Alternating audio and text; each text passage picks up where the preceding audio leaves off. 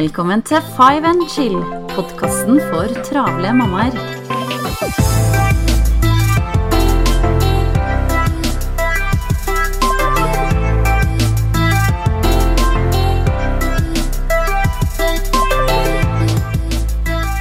Hei og velkommen til en ny episode av Five and Chill. Janne her.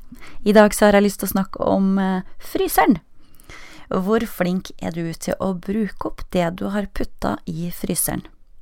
Vi har vel alle gått i den fella hvor vi har hamstra inn kjøtt på tilbud og tenkt at det blir kjekt og fint når eh, sommeren kommer og vi skal grille, eller vi får middagsgjester på besøk og eh, ja, den blir grei å ha da. Eh, men så går tida, og så har vi kanskje ikke gjester så ofte, og når vi da endelig skal ha gjester, så har vi kanskje tenkt ut en helt annen rett og fullstendig glemt det vi har liggende i fryseren.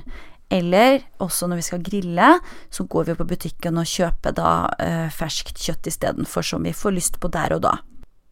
I dag så vil jeg dele noen tips til hvordan du kan få en eh, smartere organisert fryser. Når vi skal kjøpe oss eh, ny fryser, Eh, vi gikk da fra et kombikjøleskap til et fryseskap. Og vi valgte fryseskap, for jeg syns det er lettere å holde oversikt i et eh, skap enn det er i en stor fryseboks. Et tips som jeg har lyst til å dele med deg i dag, er å dele maten inn i kategorier. For eksempel fisk, kjøtt, brød osv. Og så deler du også fryseskapet inn i de samme kategoriene. Nå kan du bruke én skuff til kjøtt, én til fisk, én til brød osv. Vi har gjort det på den måten, og vi syns at det fungerer supert, og det er nå veldig lett å finne igjen det vi skal ha, og vi rekker å bruke opp det før eh, det har gått ut på dato. Merk og eh, vær skuff med innhold og maten du fryser ned. Merk hva det er for noen ting, og datoen for når du frøys det ned.